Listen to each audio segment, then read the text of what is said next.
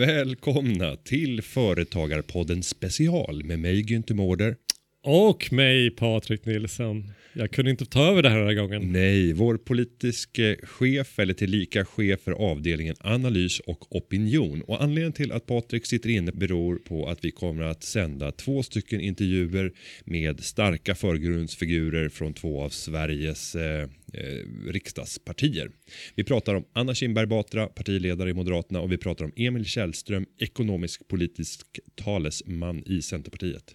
Ja, och du har intervjuat dem. Ja, i samband med Åre kapitalmarknadsdagar så hade jag förmånen att få ta dem åt sidan och eh, göra en poddintervju som jag tänkte att vi sen ska reflektera över i det här avsnittet. Och vi ska väl också säga att nu är det här två stycken eh, partier eller två förgrundsfigurer från partier som skulle kunna utgöra en allians i framtiden. Eh, vi vill uppmana andra högt uppsatta eh, partimedlemmar i andra partier att gärna anmäla sitt intresse att få komma till Företagarpodden och prata företagande frågor. Vi kanske till och med ska bjuda in dem. Det kommer vi göra. Ja. Eh, men eh, om, eh, om du sitter och lyssnar på det här och känner att du är väldigt högt uppsatt och eh, antingen är partiledare, vilket du förmodligen är. Och var, kan- inte, var inte blygsam. Nej, men du kan också vara, du kan också vara ekonomisk politisk talesman. Du kan vara statsminister, finansminister eller annat. Eh, hör av dig. Du, du vet hur du får tag i mig. Och du, och du är välkommen. Du ska alltid veta att du är välkommen. Ja, Ja. Vi, vi kommer alltid lyssna. Ja. så, så kan man säga. Eh, nej, och då hade vi, eh, jag, jag fokuserade de här intervjuerna på att eh, kretsa kring Sverige, svensk konkurrenskraft och företagandefrågor. Jag är inte speciellt offensiv i min intervjuteknik här utan låter dem få tala till punkt, inte speciellt kritiskt inställd till vad de säger och försöker inte pressa utan låter dem få använda det fria utrymmet till att forma så konkreta åtgärder de vill eller måla sin problembild precis som de vill. En, en, en ganska snäll intervjuare får man väl säga. Ja, det måste jag verkligen säga. Och du vet att jag kan vara annorlunda. Eh, ja. Ja. Eh, Men vad säger du, ska vi kasta oss in med den första intervjun? Och eh, då har vi eh, singlat slant här och eh, den har fallit på klave vilket betyder att Anna Kinberg Batra kommer först ut. Varsågoda. Då sitter jag här med Anna Kinberg Batra som eh, faktiskt dagen till ära har, har förärats fina siffror i senaste opinionsundersökningen. Men du kom med det, med det politiska svaret. Vad är det? Det är ju bara en mätning. Det är ju vardagen som räknas. Men ärligt talat, och den där frågan får ni säkert ofta, visst är det lite festligt och, och man följer ju, man, man får ju höra avgångna politiker som ofta säger att eh, jo, det, det är rätt mycket eh, stirr på, på under- undersökningarna. Ja, men det är klart det är. Eh, det dels är det ju roligare idag på jobbet när det är en bra mätning än om det är motsatsen såklart. Och sen får man ju följa lite över tid hur det rör sig i olika väljargrupper och hur man funderar på olika frågor, vilka frågor som diskuteras. Det är ju, det är ju jätteviktigt, så det är klart man tittar på det. Men Sverige, svensk konkurrenskraft, vi står inför stora utmaningar. Eh, vi har jättefina BNP-siffror just nu. Men börjar vi bryta ner det och titta på de senaste 10-15 åren och särskilt på BNP per capita så har Sverige inte utvecklats särskilt väl. Vad, vad är din vy på att eh, det svenska BNP per capita närmast är samma som det var år 2007? Alltså vi kan ju titta på, vi har ju haft en stark ekonomisk utveckling på det stora hela under alliansåren och vi har det fortfarande, vilket är väldigt bra. Men du har ju helt rätt i om du säger, när du visar att det är inte så, att det inte är lika fint under ytan. När Magdalena Andersson säger att svenska ekonomi rusar som en Tesla eller vad hon sa, då ska man ha klart för sig att det kan gå ganska snabbt till att få sämre arbetsmarknad, sämre, sämre arbetskraftsdeltagande till exempel. Eh, större underskott och tappa det som ibland, ibland tar vi lite för givet tror jag att svensk ekonomi är stark, men det kommer ju som bekant inte gratis och det finns en risk att det kan försvagas framöver.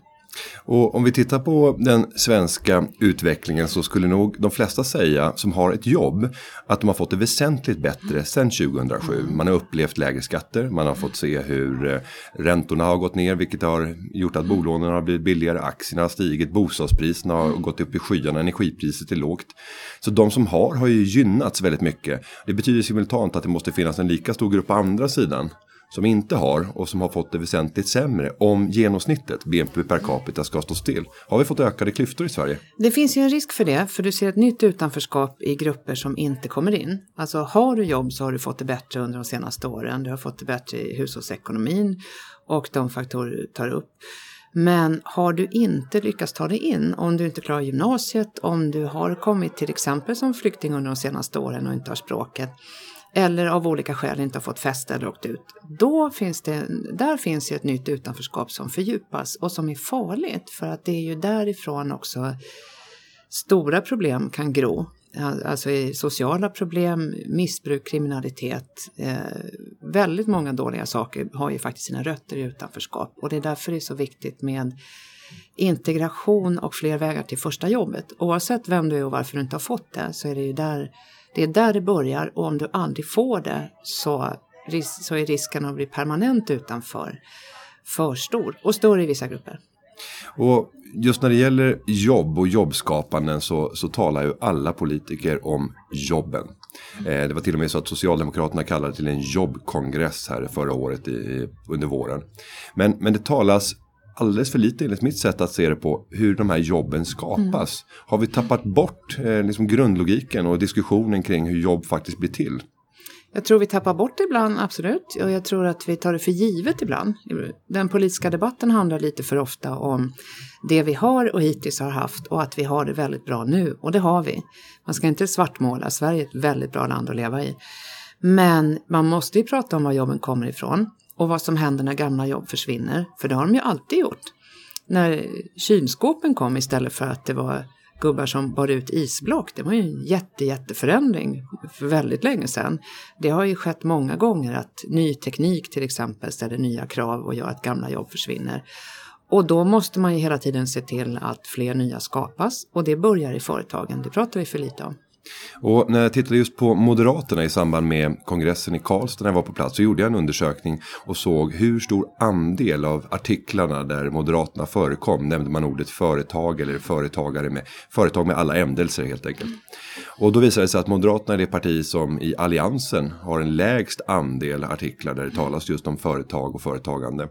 Eh, och vi ser också att trenden har varit eh, på ett sluttande plan i, i närmast tror jag 6-7 år. Eh, har det hänt någonting inom, inom Moderaterna som gör att företagarfrågor inte får ta lika stor plats? Och hur tänker du kring det framåt? Eh, varför det är så kan jag inte svara på, men eh, nya jobb skapas när företag växer och anställer och det måste vi bli bättre på. Så det har vi börjat jobba mer med, för det tror jag att vi kan vara tydligare med. Eh, vi har ju till exempel gett, vår styrelse har bestämt och vi har gett Jörgen Warborn som är riksdagsledamot och företagare själv i uppdrag att driva eh, ett företagarråd. Där vi i hela landet ska kunna samla företagare som vill prata med oss moderater om vad som behöver bli bättre för att kunna växa och anställa till exempel.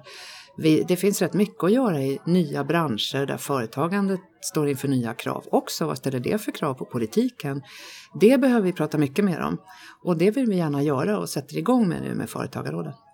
Eh, målet med Företagarrådet är det att kunna komma fram med förslag på näringspolitiska förändringar som kan stärka företagsklimatet till, till valmanifestet inför nästa val eller vad är, vad är slutmålet? Om vi kommer fram med det så ska vi kunna göra det. Eh, jag funkar så här och vi moderater jobbar så här att nu händer det väldigt mycket som ställer stora och nya krav på svensk ekonomi, svensk arbetsmarknad och det måste vi förstå. Och när vi gör det, eh, först ska vi ta reda på vad, vad det här ställer för krav. Sen ska vi vara beredda att dra slutsatser. Kräver det att vi ändrar förutsättningarna för att eh, få sin första anställd till exempel eller att ta sig in i nya branscher, då är jag beredd att göra det. För vi måste hela tiden ha en ekonomisk politik som håller statsfinanserna i schack och är robust och stabil i grunden. Men det kommer ju ifrån att det växer tillräckligt bra och att man får in folk i jobb och kan skapa jobben. Fattas det politik som eh, borde gå att genomföra och som är bra, men som vi inte eh, har tagit fram än, då är vi beredda att göra det. Det är precis det politikutveckling handlar om. Och det gör vi även under min egen och Ulf Kristerssons ledning. Vi måste hela tiden, vi har högt förtroende för den ekonomiska politiken och det är jag stolt över. Men vi kan ju inte heller trona på några fornstora dagar för att vi klarade förra krisen. Det svarar ju inte på vad svensk ekonomi måste göra om 10-20 år för att vara en av de starkaste i hela världen. Men det ska den kunna vara. Förra, eller för, förra veckan så kom det ett utspel från Socialdemokraterna eller från regeringen. Ett förslag om att reducera arbetsgivaravgiften för den första anställda begränsat till enskild firma. Eh, vi är ju glada över det tänket att man börjar förstå att soloföretagare behöver stimulanser för att ta det första största klivet som man kan göra i en företagarkarriär och det är att anställa sin första medarbetare. Eh, nu hade vi velat se reformen breddas till aktiebolag för det är där det kan göra skillnad och det är där man ska driva den typen av, av bolag. Hur ser det moderata tänket ut när det gäller att kunna stimulera just soloföretagare att vilja ta de stegen som gör att man kan bli ett växande bolag som skapar jobb istället för att stanna vid att vara just solo? Ofta pratar vi om gaseller. Jag har ju, du och jag gjort förut, många andra också. Det är de här företagen som vill gå från att vara den lilla och som har förmågan att växa och kan bli någonting riktigt stort. Och det är jag, villkoren för dem måste vara så bra att det kan komma nya och flera. Eh, vissa vill ju bara ha ett soloföretag för, bara för att organisera sig själv och jobba frilans. Men vill man växa så måste man kunna göra det. Eh, jag håller med dig om att det är mycket begränsningar i regeringens förslag och lite överraskande att det eh, Eh, bara gäller just eh, enskilda, enskilda näringsidkare. För jag tror precis som du säger att har man bestämt sig för att växa och anställa så är ofta aktiebolag den mer rimliga formen. Eh, vi har jobbat en del med trösklarna för att starta aktiebolag. Och vi behöver dessutom ha eh, skattesystem som gör just att det här första jobbet, att prova på någon som man inte känner, att det inte får, får vara för dyrt eller för svårt för företag som vill prova eller för en anställd själv. Så eh, det, alla detaljer kommer ju komma i förslag så småningom och vi har inte lagt vår vårmotion. Men vi har ju redan tidigare sagt till exempel att vi vill halvera kravet på aktiekapital. Det är ju en viktig del i övergången till aktiebolag. Vi har ju föreslagit första jobbet-avdraget som gör att det är lägre beskattning eh, och lägre skatt på det första jobbet och första jobbet-anställningen som ju handlar om att prova på någon du inte känner och kunna ge henne eller honom möjlighet också att lära sig jobbet på jobbet. Och det behövs ju ofta för det är för stort avstånd mellan att ha ett bolag själv och ha en till som redan kan allt man behöver för att kunna ta det vidare. Och det är det avståndet man måste titta på och minska. Och då har vi lagt de förslagen som jag tror är viktiga för, eh, för så många som möjligt. Och jag antar också att det här är en, en, reform för att svara upp mot den utmaning vi har när det kommer till vår oförmåga i Sverige att integrera människor som kommer till vårt land. Mm. Nu står vi inför extremt stora utmaningar med de stora numerärer som, som eh, har kommit till, till mm. Sverige. När det gäller integrationen, eh, hur pass eh, stora reformer kommer vi behöva göra och behöver vi också, vi, vi enskilda svenskar förändra vårt eh, sinne för att på något sätt lösa den stora problematik som finns i att utlän, ut, ut, utlänningar som har kommit till, till Sverige inte eh, i någon hög utsträckning kan etablera sig. Idag tar det ju åtta år innan eh, ens hälften är etablerade på arbetsmarknaden och det är sånt slöseri med resurser så att det är svårt att finna ord. Det måste vi ändra på ordentligt och det behöver vi göra på flera sätt. Vi behöver fråga folk vad man kan när man kommer hit. Och vi behöver ju såklart ge mycket större möjligheter att just prova på någon man inte känner att få börja jobba så tidigt som möjligt. Man får jobba när man söker asyl i Sverige. Det införde Alliansen men det är för få som gör. Och företagare inte minst vittnar om att det är för krångligt. Så det här är nästa stora utmaning som händer redan nu och som är helt avgörande för att kunna få Sverige att växa framåt. Det kan startas företag ur det också så småningom. Det hoppas jag. Anna Kinberg Batra, eh, stort tack för att du kom till Företagarpodden. Du har ett pressat schema och ska vidare till nästa uppdrag. Stort tack själv. Tack. Ja, där är vi tillbaka. Eh, jag och Patrik Nilsson i studion. Tillbaka från Åre in till Rådmansgatan 40 där vi sitter. Vad är dina inledande reflektioner efter att ha hört Anna Kinberg Batra? Jo, eh, den, man kan ju prata lite om lite hur hon uttrycker sig och vad hon säger. Både vad hon, hur hon uttrycker sig och vad hon säger egentligen. Eh, och här kan man ju säga att hon är ju väldigt lugn och eh, någorlunda tydlig i hur hon uttrycker sig.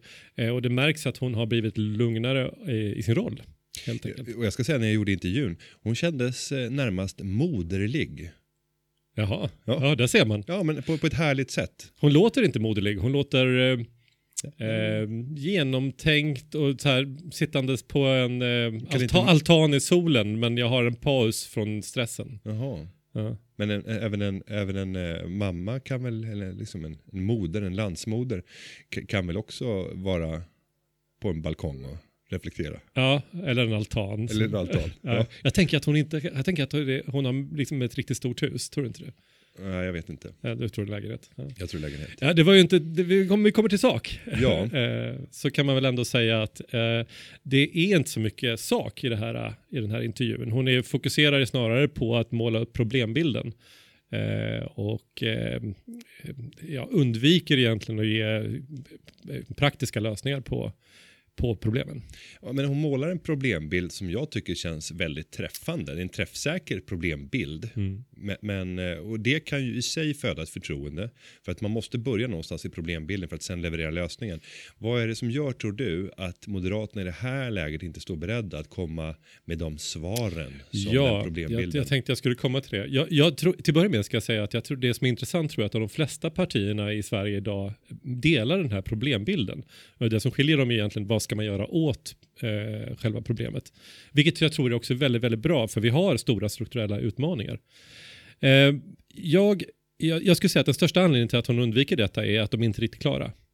Eh, helt Var befinner de sig i, i arbetet? Ja, jag, jag tror att du vill komma tillbaka till det här företagarråden hon pratar om. Mm, ja, Eh, hon nämnde ju det som, ja. som hastigast och man har gjort ett utspel i Dagens Industri här för några veckor sedan där Mm. Jörgen Warborn har utsetts att leda Moderaternas företagarråd. Det här är ju spännande för oss. Mm. Vad vet vi mer om det? Jo, vi vet så pass mycket att det här kommer eh, inte bara, det, det här är ingen Stockholmsprodukt kan vi ändå säga, utan vad de kommer göra är att de kommer ha företagarråd i, ja, i så många kommuner som det bara är möjligt. Eh, där de kommer bjuda in eh, lokala näringslivet, alltså småföretagen, våra medlemmar, eh, att diskutera egentligen vilken politik Moderaterna ska driva i framtiden när det gäller företagarpolitiken. Och det här är ju, tycker jag, ett, ett spännande initiativ som fler partier borde ta efter. Och, och jag märker även när jag är ute och pratar med, med andra politiska företrädare och jag berättar om att Moderaterna nu är på gång med det här och att man har kommit till oss för att söka hjälp med att komma i kontakt med så många företagare som möjligt. Så, så lyser det lite grann i deras blick och, och känslan av att vi måste också göra det här etableras i, i deras ansiktsuttryck. Och det vore väl välkommet. Vi hjälper gärna till. Och vi kan väl avslöja också att eh, jag personligen kommer att vara på plats, är inbjuden till Moderaternas Sverigemöte. Och det är där det börjar kan man säga. Ja, den 20 och 21 maj i, eh, i Malmö. För att prata om just hur man ska komma i kontakt med riktiga företagare lokalt. För att kunna få ut eh, egentligen den problembild som finns på det lokala planet och förslag på hur man kan förbättra näringsklimatet. Om det finns andra partier återigen som vill att jag kommer ut på deras Sverigemöten eller på kongresser för att prata om hur man skapar en relevant näringspolitik. Jag gör det vilken dag i veckan som helst. Eh, Jag finns här för er. Precis, var inte blyga, tveka inte. Ni är Nej. alltid välkomna.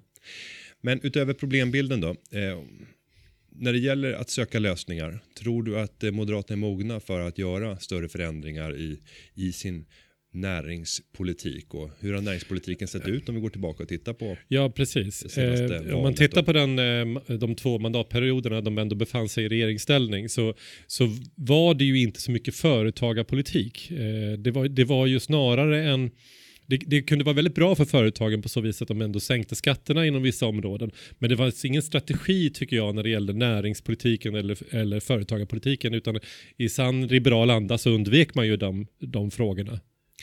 Men det man var absolut mest skicklig på det var ju att, öka drivkraften att arbeta. För det blev större skillnad mellan den som arbetade och inte arbetade. Mm. Och, och då ökar man det ju, man ökade också arbetskraftsutbudet genom olika reformer. Precis, men inte andra sidan. Man glömde efterfrågan Mm. på arbetskraft. Och det är ju att stimulera företagare till, ja, om du stimulerar näringslivet så att det ökar efterfrågan på de produkter och tjänster som det erbjuder, ja då kommer du att få en ökad, en ökad efterfrågan på arbetskraft. Mm. Eller att du gör reformer som gör det billigare att anställa så att man på så sätt kommer att välja att anställa i hög utsträckning. Och på så vis så tror jag att om de då lyssnar i de här företagarråden på småföretagen, småföretagarna som kommer på de här mötena, då tror jag att de kommer komma till ett ställe i alla fall där de kan ha en politik som också är väldigt bra för småföretagarna. Men hon, hon sa ju ändå någonting. De är redo att se över skattesystemet för att göra det lättare för företag att anställa. Mm. Där, hon är redan nu inne och flörtar på en fråga där vi har liksom påtalat Som de tydligt. traditionellt inte har velat ha och peta i förut. nej. Så, så det är ju väldigt intressant. Och vad tror du att det här kan betyda i reella termer? Pratar vi, är det arbetsgivaravgiften som man tänker på i det här läget eller? Ja, det är min, i det här sammanhanget tror jag det är min förhoppning att, att det är det man gör. För att där tror jag egentligen de största eh, hindren ligger till att företagen kan växa när det gäller då i, i personal. Sen ska man ju vara medveten i- om att, att, att breda liksom, generella sänkningar av arbetsgivaravgiften Det är kommer extremt kosta för mycket. dyrt. Mm. Så då handlar det snarare om riktade reformer och liksom, precis som man gjorde för unga till exempel. Det var inte så, så Man skulle ju kunna tänka sig ett förslag som vi har föreslagit innan där man har en trappa helt enkelt. Att den första anställda kostar lite, rätt mycket mindre än, än, än den andra anställda kostar lite mer och så vidare. Eh, så att framförallt den här ingången då från att kanske vara en noll anställda till att bli en anställd eller två anställda blir så mycket lättare. Ja, för där kan man konstatera att det är det största klivet man någonsin kan göra som Ja. företagare. Att gå från att vara soloföretagare till att anställa sin första medarbetare. Och vi har ju pratat om att vad hade hänt om vi hade i det momentet infört en 100% rabatt till och med på den första anställda. För att sen kanske ha en 60% rabatt på den andra. Och sen en 30% rabatt på den tredje för att sen bli 0% på den fjärde. Och sen skulle man, om man vill göra det statsfinansiellt neutralt, kunna fundera över om vi tar från den femte anställda uppåt så gör vi en generell höjning. Och det här är vi ju naturligtvis inga, inga glada vi har inte av. räknat på det här. Nej, men, men, men om, om man ska hitta en, en, en statsfinansiellt neutral Ja. reform eh, som ändå skulle få en bättre inverkan på jobbskapandet så skulle det kunna vara att göra en generell höjning för de som har fem eller fler. Sen skulle man då förskjuta effekten så att den skulle inte komma vid 50 anställda eftersom du får tillgodoräkna den första, andra och tredje som har rabatt. Så effekten skulle skjutas upp eh, och förmodligen hamna en bra bit ovanför 10. Men vi får göra lite räkningar på det där. Och, och, och man höjer ju då väldigt mycket mindre. Ja, ja, det blir. Mm. närmast obetydliga höjningar för att det är en sån stor grupp som befinner sig i våra Det storföretag det som viktiga idag inte också. Mm. skapar några jobb att tala om. Sen kan man ju säga på baksi- baksidan av det är ju att man kanske ännu mer påskyndar de här stora företagen att fortsätta flytta arbeten från Sverige till andra länder där det är lättare att få tag i kompetens till, till en, en rimlig peng. Och det, men samtidigt, det, arbetsgivaravgifterna tror jag är den stora ödesfrågan när det gäller eh, jobbskapande och integrationsmotorerna som, eh, de föret- som företagen ska kunna bli. Helt enkelt. Och om vi eh, summerar Anna Kinberg Batra genom att också fundera lite grann över förtroende. Nu såg vi opinionssiffror som, som blåser i, i rätt riktning. Eh, sen ska man ju vara ärlig med att säga att de man vinner tillbaka nu det är mm, väljare som flydde till Sverigedemokraterna från moderater. Eh, så att det, det är ju en grupp eh, som är lite svajig och som har lite mer, eh, vad ska man säga, hårdhudade åsikter som, kanske inte rimmade så väl med, med de nygamla moderaterna. Kan man prata om det? Reinfeldts moderaterna och den inställning som man har haft till, till, till öppenhet när det kommer till inte minst flykting mottagandet? Ja, jag, jag skulle nog säga att, att, att jag håller nog med dig att de är nog väldigt rörliga. Eh, sen vågar jag inte riktigt säga vilka åsikter de har, men, men en sak som jag tror att de har gemensamt, det är att de faktiskt trots allt är rätt så missnöjda. Och att det är snarare det som är drivkraften att flytta på sig. Att de, eh, om inte det parti de väljer levererar någonting, eh, visar på någon form av handlingskraft när det gäller saker och ting eh, på problematiken som de ser i samhället så kommer de snabbt röra sig vidare till ett annat parti. Och sen har vi ju fått höra rätt många från motståndarläget som säger att nu sitter Moderaterna och jublar när man återvinner rasister. Det går ju att, att på ett politiskt sätt skapa väldigt mycket infekterade kommentarer kopplat till det här. Ja, men O- ärligt talat, eller det inte. där, part- det där har ju näst, det är ju rätt många partier som har det problemet. Ja, och även, Så- även LO lider ju något enormt av det här när man ser att eh, Sverigedemokraterna faktiskt har varit det största partiet Ja. bland Och sen, ja, och sen samtidigt då säga att vi har så pass många rasister i Sverige är ju också väldigt starkt. Ja, och sen att överhuvudtaget säga att de nödvändigtvis är rasister för att de röstar på SD. Mm. Nej, det är väl det min ja, poäng är. Ja, Att, att, det är att det är därför jag tror att man, man misstar det här med att, att eh, det är väldigt enkelt här att sitta i Stockholm och säga att alla rasister som röstar på partier som man inte tycker om. Eh, men faktum är att man gör inte egentligen någon någon tjänst med den typen av uttryck och det blir inte bättre i samhället heller. Nej, och en, en spännande sak nu. Vi får lösa att- problemen. Va- Vad jag tycks mig se det är att vi ser ett SD som allt mer normaliseras. Mm. Och vi ser att under förra mandatperioden när Alliansen styrde i minoritet, vilket egentligen är precis samma utmaning som dagens regering har. Men då märkte inte väljarna av något kaos. För att i de flesta frågor så var Moderaterna och, och den övriga alliansen väldigt försiktiga med att gå fram med förslag där man inte visste att man skulle få ett parlament, parlamentariskt stöd. Antingen genom att man plockade över vänster, eller Miljöpartiet eller att man fick stöd från, från Sverigedemokraterna passivt.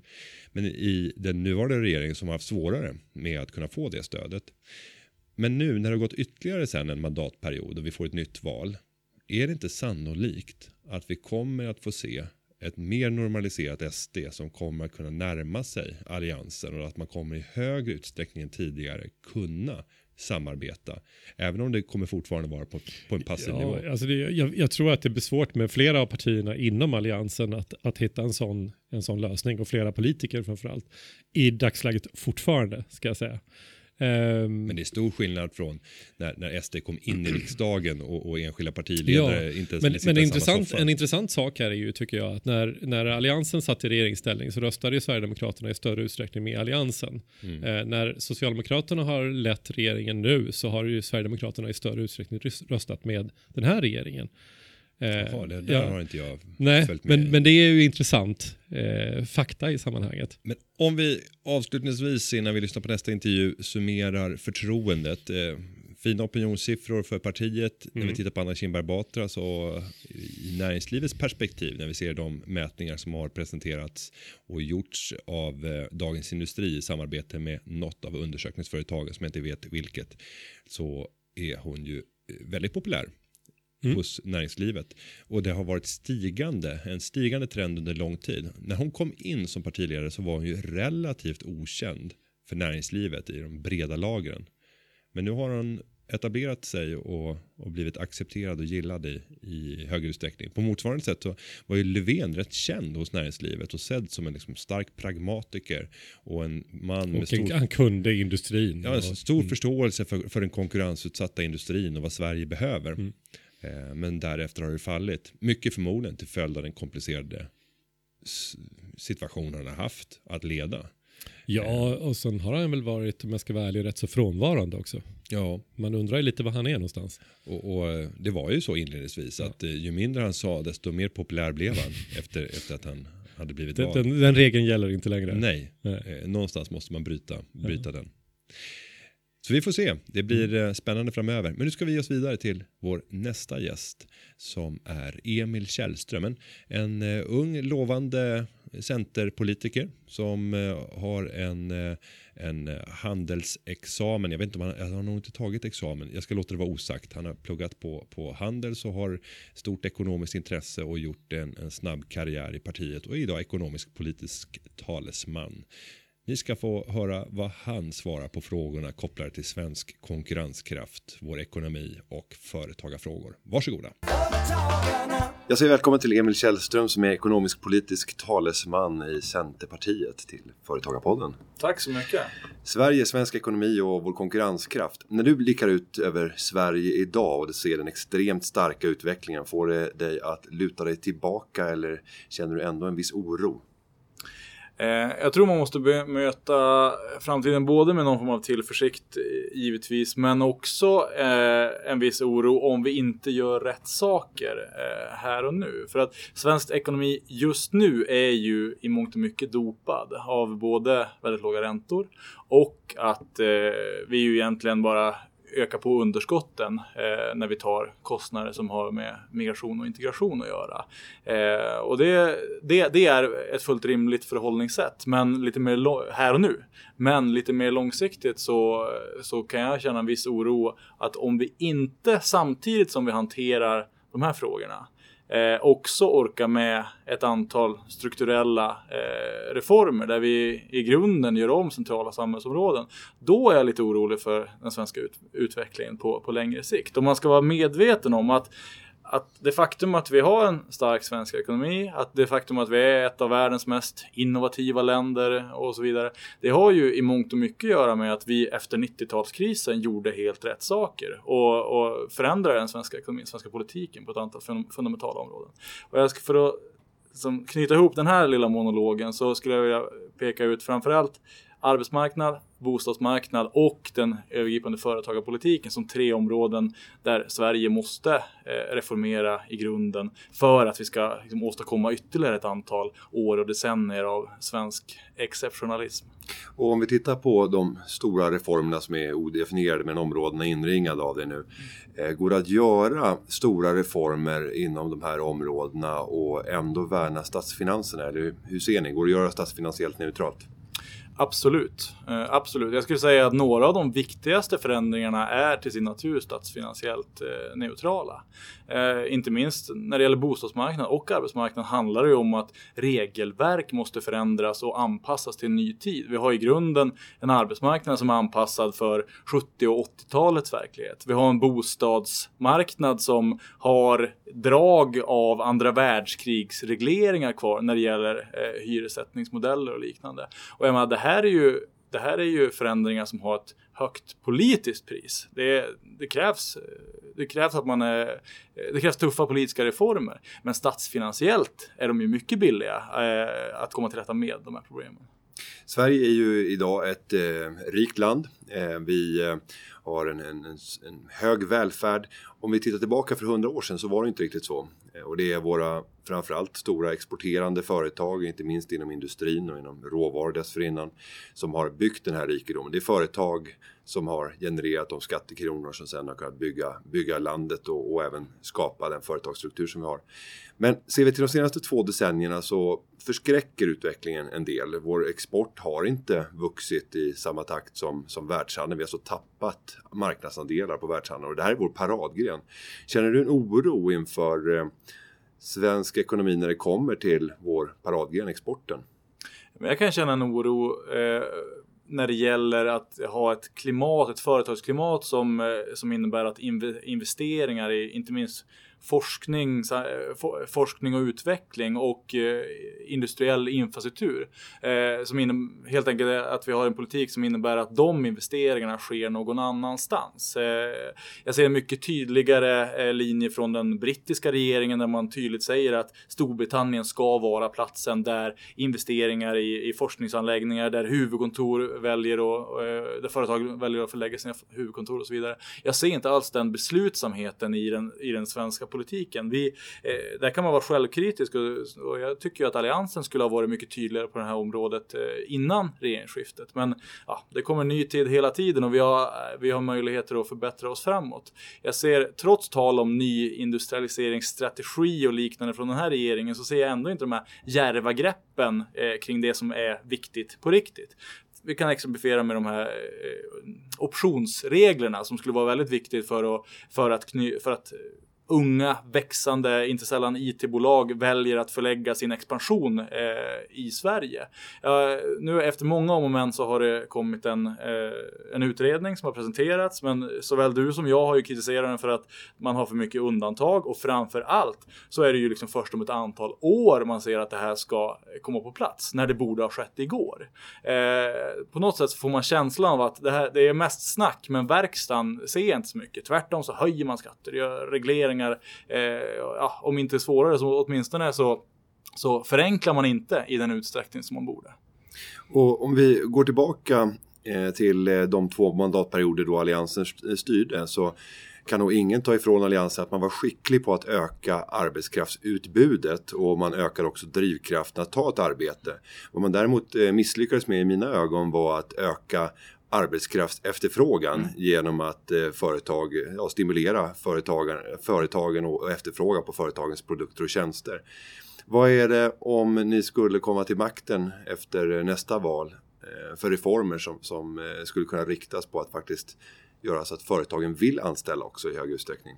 Jag tror det finns ett antal saker. Eh, dels så ska man bibehålla de eh, ökade investeringarna i, forskning och, utveckling. Alltså Alliansen ökade upp trots finanskris eh, pengarna, de statliga pengarna till, till forskning och innovation i mångmiljardklassen. Det tror jag man, den resan tror jag man ska fortsätta på. Dels så ska man också fortsätta med att steg för steg sänka skatten på jobbskapande och där har ju vi drivit som ett av många förslag eh, vid sidan om optionsförslag och liknande. Att, eh, jag menar, hur ser vi till att fler företag vågar ta det där första steget. Vi vet att 25 procent av eh, Sveriges ensamföretagare eh, skulle vilja anställa. Bara 10 procent gör det. Att sluta det glappet. Och då har du dels tror jag att man kan förtydliga det eh, högkostnadsskydd som finns i, i sjuklönesystemet så att färre upplever att det är en risk för anställda. Jag tror att man ska eh, genomföra det vi har föreslagit att eh, helt ta bort den arbetsgivaravgiften för den, först, den första anställde. Jag är öppen för att, för att bredda det ytterligare. Eh, Alltså helt enkelt eh, företagarpolitiken. Sen så tror jag också att eh, det, finns en, det finns anledning att öka infrastrukturinvesteringarna. Vägar, järnväg, digital infrastruktur. Det finns ett ordentligt investeringsbehov för att bygga starkare arbetsmarknadsregioner, binda ihop landet, eh, de, norr, de norrländska naturresurserna och, och eh, hamnarna som inte sällan finns i södra Sverige. Eh, där finns det en potential för staten att faktiskt göra mer, vara tydligare samtidigt som man öppnar upp för privata investeringar och liknande. Så eh, det, det finns ett antal centrala områden tillsammans med det jag sa tidigare. Att, att modernisera i grunden både bostadsmarknad och, och eh, arbetsmarknad. Och tar vi det främsta tillväxthindret som företagare idag anger så är det ju svårigheten att få tag i rätt kompetens. Mm. Många företagare säger till och med att om jag bara visste att det fanns eh, den här typen av kompetens tillgänglig så hade jag anställt. Eh, hur ska politiken kunna vara med och bidra till en, en bättre matchning på, på arbetsmarknaden? Dels så ska man, eh, det är, en, det är en fråga som kräver ett antal olika svar. För det beror lite på vart, vart i ekosystemet, vart i näringslivet, i vilken del av kedjan du befinner dig. Alltså när det gäller till exempel duktiga programmerare och så vidare så är det ju viktigt att vi fortsätter att ha en eh, en eh, väl utvecklad högre utbildning och, och, och, kan höja kvaliteten ytterligare ett snäpp genom kloka reformer. Eh, men det här handlar också om att fortsätta ha en öppenhet när det gäller arbetskraftsinvandring och så vidare. Alltså kompetensen finns globalt, låt oss locka den till Sverige. Men när det gäller eh, den minst lika viktiga delen, alltså att det är svårt att hitta elektriker, svetsare, eh, duktiga industriarbetare, så ser vi ju tyvärr att alldeles för få väljer sådana här program på, på gymnasiet och då kan man nog vara, jag tror man kan jobba lite med att vara, vara, tydlig med studievägledning och annat och se så att unga människor väljer de program som faktiskt leder till välavlönade jobb direkt efter gymnasieexamen. Men också snappa upp det som finns och fungerar med yrkeshögskolor och se till att man, alltså man, det ska inte, loppet ska inte vara kört för att bli svetsare eller snickare eller vad det nu kan vara bara för att man inte valde det när man var 15 år. Utan att då finns det goda möjligheter att gå en, eh, en yrkesutbildning eh, under en kortare tid, ett till två år. Och sen så, sen så växlar man om och, och fyller de här behoven.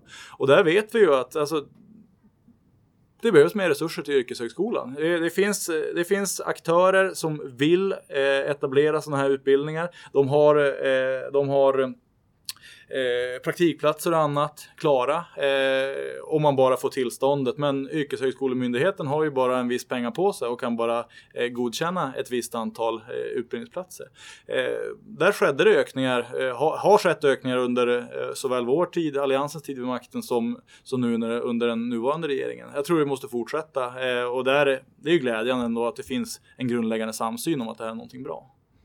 Sen har vi ju eh, den stora frågan eh, på, på allas läppar och som kan bli ett jätteproblem om inte vi svenskar och vårt svenska system anpassas för att kunna bättra på integrationen. Svensk befolkning har vuxit kraftigt under de senaste åren och vi har mängder av människor i arbetsför ålder som vi tyvärr är alldeles för dåliga på att få in i vårt samhälle, framförallt då via, via ett arbete. Vad är det som behövs för att kunna skapa en bättre integration i, i Sverige? Ja, alltså det, det är ju någonstans så någonstans så måste man ju se till vilka grundläggande regelverk finns det? Vilka grundläggande samhällsområden måste förändras för att öppna upp fler vägar in? Och, och här talar vi ju såklart eh, självklart framförallt om, om arbetsmarknaden men också om, för, men också om företagarpolitiken. Och det är ju så att it. Jag menar, det, den arbetsmarknadslagstiftning som gör att eh, under en lång tid har, haft, har unga människor haft svårt att, att komma in, eh, in i värmen och, och, få, och, få chansen. Jag menar, nu blir ju den situationen blixtbelyst av att det förra året kom 160 000 människor, eh, varav ungefär, om vi ska se historiskt, hälften kommer få stanna och de ska nu så fort som möjligt in på arbetsmarknaden. Jag menar, problem vi har haft under en lång tid i den svenska blir nu liksom än tydligare. Och det måste ju, det måste nya komma komma nya vägar in på, på arbetsmarknaden. Vi har ju presenterat förslag som ingångsjobb och hoppas ju att arbetsmarknadens parter faktiskt ser den här utmaningen.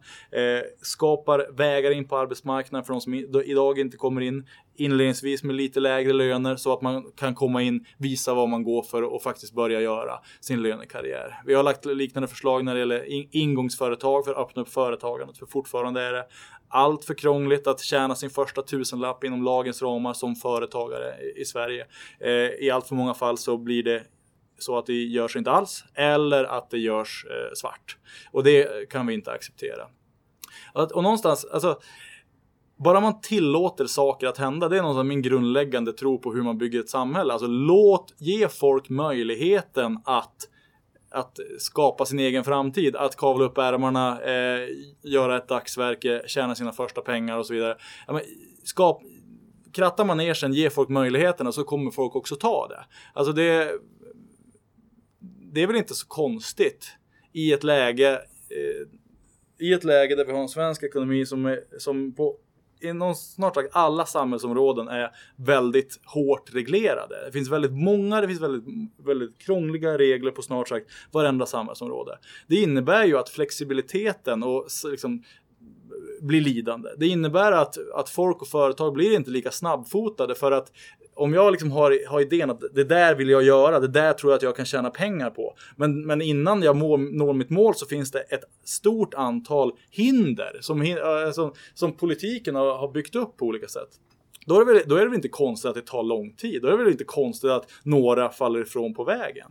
Och nu liksom kan man tycka att det här är liksom lite väl övergripande resonemang och, och, och, och, eh, det finns ju konkreta exempel på allt detta. Men någonstans, man måste, jag tror man måste börja, jag tror man måste börja där och sen så har ju vi en, en, en rad konkreta förslag på allt det här jag nämner på hur man faktiskt, ja, hur man faktiskt kommer loss. Och när vi ser på integrationen så vill jag tro även att det finns en kulturell dimension i det här där vi svenskar som folk eh, har svårt att eh, faktiskt eh, tillgodogöra sig alla, alla de eh, tillgångar som kommer i form av, av duktiga personer som skulle kunna komma in, att de stoppas till, till följd av fördomar och annat som finns hos alla och en var på olika sätt. Eh, hur kan man angripa den typen av liksom kulturella delar eh, som är kanske djupare rotade, inte, inte givet att det går via politiska reformer? Nej, där tror jag att man, man ska vara tydlig med eh, liksom, politikens gränser någonstans. Så jag, jag är optimist och tror, tror mig nästan veta att här blir det bättre.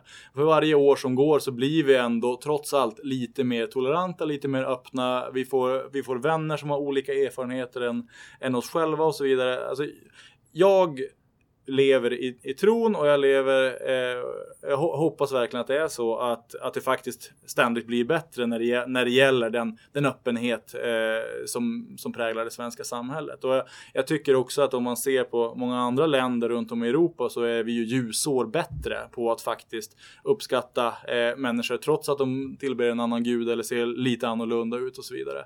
Och har man en väl fungerande en väl fungerande företagarpolitik, helt enkelt en väl fungerande marknad, ja men då, då kommer ju aktörer som väljer bort kompetens på grund av att eh, på grund av fördomar, på grund av irrelevanta eh, aspekter, ja, men de kommer slås ut. De kommer, för de kommer få en sämre produkt, de kommer få ett sämre företagande. Eh, så att eh, det du nämner är en viktig aspekt, men man ska inte man ska inte räd, räd, eh, rädas att, att faktiskt eh, att faktiskt göra de, de konkreta reformer som krävs för att det, det på något sätt är är så svårt på grund av inställning, fördomar och, och liknande. Eh, jag tänker mig ändå att, att just det, det du nämner är ett, är ett mindre problem än alla de problem vi har byggt upp helt själva. Men, men, du målar en bild som blir ljusare och ljusare när du tittar på framtiden. Men blickar vi tillbaka det senaste decenniet så förskräcker ju utvecklingen både i Europa och i Sverige när det gäller just eh, vår, vår, tolerans och vår öppenhet kan jag känna. Mm. Eh, är det verkligen så att vi, vi blir mer toleranta och, och öppna? Jag, skulle, jag har tagit del av ett antal studier där man, där man ser hur, hur, vad svenskarna har för attityder. Och, eh, jag lever fortfarande i tron att det faktiskt blir eh, i genomsnitt eh, bättre. Sen så, sen så ser vi en polarisering också. Att, att de som liksom kanske eh, sen, sen tidigare har haft en, en, en större skepsis mot, eh, mot eh, den andra eller, eller olikhet är mycket, är mycket liksom tydligare att manifestera detta. Såväl i hur man röstar som hur man eh, skriver på Facebook och så vidare. Alltså det, det, men sen så slår, liksom, alltså, du, har, du har ju någonstans hela spektrat i, i samhället har ju funnits eh, på plats under en lång tid. Från de väldigt öppna och väldigt toleranta till, dem, till dess motsats. Och, men någonstans, så, eh, någonstans så, så känns det som att fler delar av samma spektra gör nu eh, ja, är nu mycket, mer, mycket öppnare än vad man har varit tidigare. Eller, eller man, man skäms inte för, för eh, sin intolerans och, eh, utan snarare manifesterar man den väldigt, väldigt tydligt. Men alltså jag jag är en optimist eh, och det, det, ska jag villigt erkänna. Men jag, jag tänker ändå att och, och tycker mig ändå ha fog för det när jag säger att snittet, eh, liksom den, den övergripande trend, långsiktiga trenden är, går åt rätt håll. Det, och någonstans eh, tänker jag också att det blir liksom lite av en självuppfyllande profetia. Alltså är, är det fler som tänker att ja, men det blir nog sakta men säkert lite sämre så triggar det igång en massa processer. Det, det landar i en massa små och stora beslut som eh, som stärker upp en sån utveckling snarare än att motverka det. Så att det finns, en, det finns ett egenvärde menar jag i att faktiskt hålla fast vid det positiva och att hålla fast vid eh, den positiva tron på framtiden. Emil, jag säger stort tack för att du kom till Företagarpodden. Tack så mycket.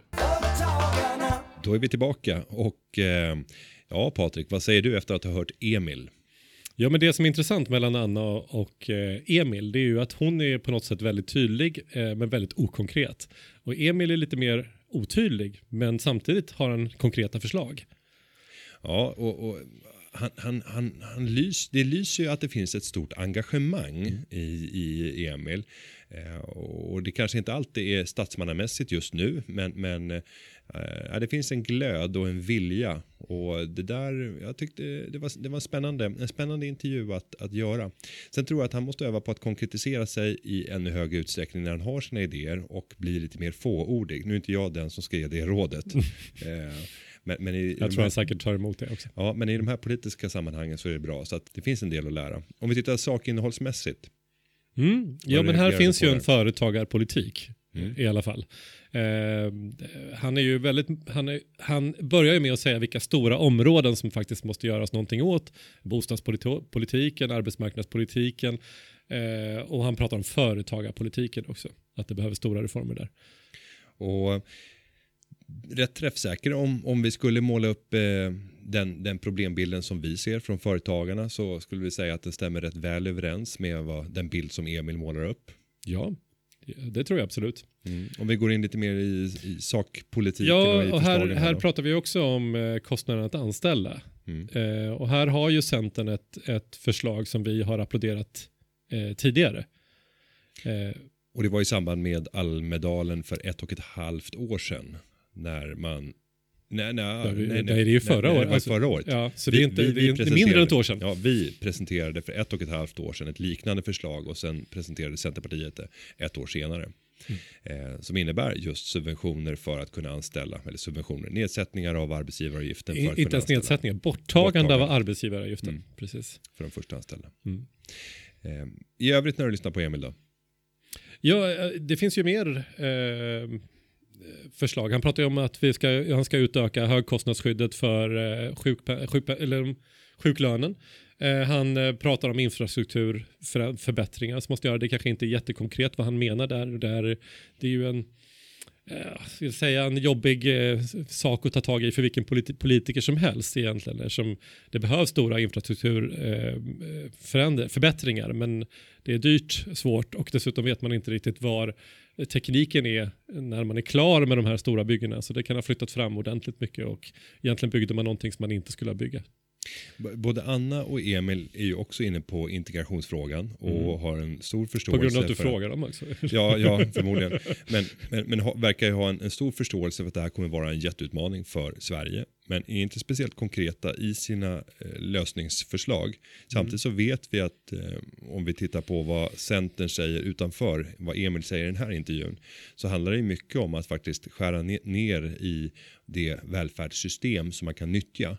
Eh, när man kommer till, till Sverige och tar bort delar av det, men att ha öppna armar och ta emot så mycket det bara går. Men att man inte tar hand, utan att det, man, man flyttar över ansvaret på individen att försörja sig i hög utsträckning. Ja, Centern skiljer sig från övriga, övriga alliansen när det gäller eh, mottagandet av flyktingar eller nyankomna då, till Sverige. Eh, men ska ju dock säga att det är ju inte integrationspolitik utan det kanske är mer migrationspolitik. Eh, när det gäller integrationspolitik så tycker jag ju kanske att samtliga partier behöver gå hem och göra sin hemläxa. Eh, för, för, för, de facto så har vi väldigt många personer som har kommit till Sverige eh, och som nu i det ögonblicket eh, eh hamnar på undantag eh, och börjar kosta pengar för samhället. Eh, och i det sammanhanget så ju snabbare de kan komma ut i någon form av samhälle, ju snabbare de kan komma ut i sysselsättning, ju, ju bättre blir det för Sverige. Då är de ju snarare bidragande eh, grupp istället. Och där tror jag egentligen eh, alla partier, inkluderat här både Centern och Moderaterna, borde fundera på vilken politik som ska föras.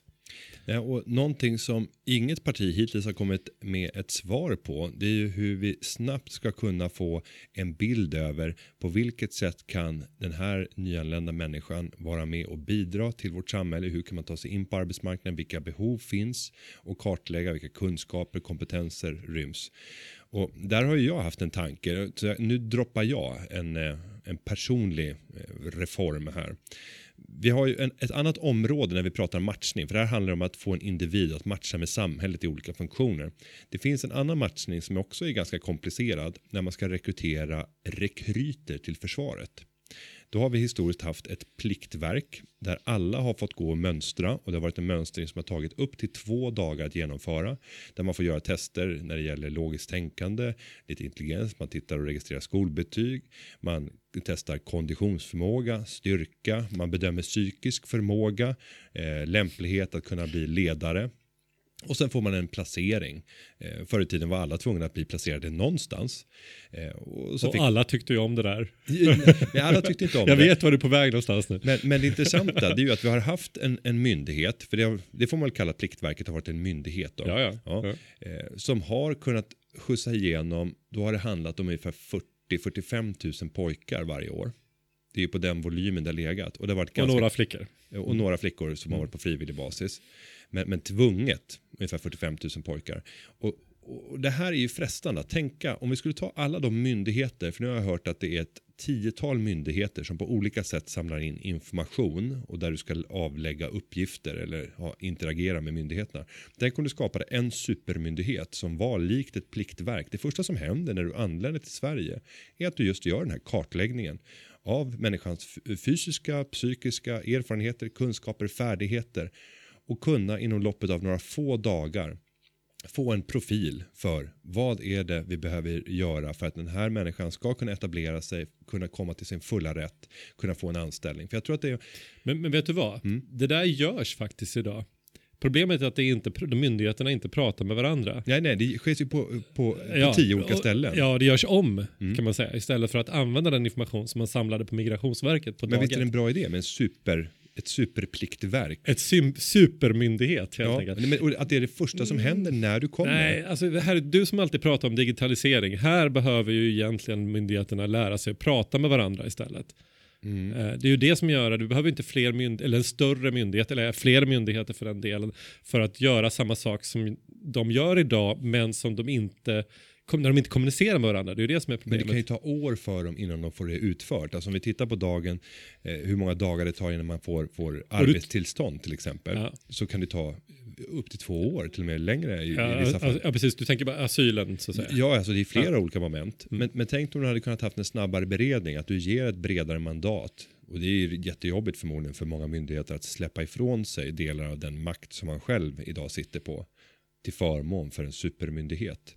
Men för att kunna klara sådana här eh, situationer som, som vi har i dagsläget. Jag tycker det är en frestande Mm. Men tanke. Jag, jag, jag, jag tycker också teoretiskt vore det kanske skoj, men, men det, ärligt talat så tror jag vi skulle röra oss snabbare om de, vi bara lät dem lära sig prata med varandra än att bygga någonting nytt från grunden i det här Mm. läget. Eftersom vi, liksom, problemen är här och nu, idag. Ja, ja, jag tänker inte ge mig, men, men, men för nu. Men får jag, får jag lägga för nu. någonting, det mest intressanta runt detta tycker jag ändå, om vi ska prata om våra eh, fantastiska medlemmar, det är ju att eh, någonstans eh, när det, det kommer till flyktingförläggningen, man eh, gör det man ska göra med Migrationsverket, man börjar slussas runt i systemet, kommunerna finns där, Arbetsförmedlingen finns där och alltihopa. Och sen en vacker dag helt plötsligt så försvinner alla de där sakerna. Eh, och då är det i regel våra medlemmar som står där som egentligen ska hjälpa när de kommer ut i, eh, i arbetslivet. De kanske kommer ut i arbetslivet till och med innan de egentligen har, eh, har, har svenskan på en sån nivå så att de egentligen kan hantera eh, massa andra saker som dyker upp i svenska myndighetsvärlden, skolan och, och sådana saker. Och där har jag ju fått höra nu från många medlemmar, vilket jag tycker är väldigt, väldigt intressant, att här helt plötsligt blir ju då företagaren någon extra pappa till de här personerna som kommer, eller extra mamma, och hjälper dem att hantera hela svenska myndighetssystemet. Och, och, där ska vi också ge, tycker jag, lite beröm till, till Svenskt Näringsliv som testade hur systemet fungerade. Man tog eh, ett antal eh, svenskar som, eller, eller, eller flyktingar som hade kommit till, till Sverige och så testade man hur lätt är det att ta sig igenom den här myndighetsdjungeln för att kunna komma ut och göra enkla arbeten och bara komma ut och praktisera och liknande. Och det var ju skrämmande resultat och man tillstod ju även från myndigheternas håll att ja, det här är, är förskräckande när vi ser på, på de här resultaten. Mm. Och, och då var det ändå att de fick stöttning och hjälp av högt utbildade personer som hade all vilja i världen att försöka lösa det här på ett snabbt sätt. Ja, ja, en liten mysig historia. Jag har en, en god vän som precis har ryckt upp pålarna från ett, ett europeiskt land, så det är ju inte på samma sätt att flytta tillbaka till Sverige efter 17 år. Eh, hon hade ju pro- problem med eh, myndigheterna för att få bli liksom, skriven i Sverige Få igen. bli svensk igen. Bli svensk igen, kan man ju ändå säga. Eh, och då var det ju en procedur på Skatteverket. Eh, och hon, jag måste säga att hon kom därifrån efter väldigt många timmar ändå för att stå till kö i flera köer på olika sätt, fylla i olika blanketter. Eh, vissa saker var digitala, vissa var inte. Eh, det var en, och det var väldigt konfunderande hur man skulle göra när man skulle gå fram och tillbaka i de här systemen. Men vad hon sa, som jag tyckte ändå var väldigt sympatiskt, det var att alla var trevliga hela vägen. Eh, fast att det var kaos i den här lokalen och folk var arga för att de har stått i kö. Eh, de förstod inte svenskan för det var ju väldigt många personer som, alltså de flesta vi svenskar tar det naturligt. Vi löser ju Skatteverkets problem på, på nätet. Men det kan inte de här, de går till kontoren de som måste göra det och då kanske det dyker upp nya problem. Men hon sa att alltså, hon har aldrig varit med om så trevliga som trevlig service från Skatteverket visade det. Det kan man ändå ta med tycker jag. Ja, men det får väl bli det, det avslutande här. Att vi, vi Det var inte så mycket om Emil där på slutet dock. Eh, nej, men, men eh, vi, vi, vi konstaterar väl snarare att, att eh, det, Emil har framtiden för sig. det har han absolut. Han Ja. har konkreta idéer. Eh, vi gillar mycket av det han, han säger och han, eh, han gör bra ifrån sig. Det där, eh, Emil kan bli någonting här. Han är på, Och vi vill att de håller den inslagna företagarpolitiska linjen. Absolut. Japp. Så med, eh, med den diskussionen och med den avslutande rosen till eh, myndighetspersonal i hela Sverige och säger att det lät eh, jättekul. Nu, nu är det helg snart här och eh, Företagarpodden har klippts av Gustav Dalesjö. Med det Patrik. God tack. helg. Ja, god helg. Tack för att du kom hit. Tack. Vi syns igen nästa vecka. Hej då. Företagarna. Ja, ja, ja, ja, ja, ja. Företagarna.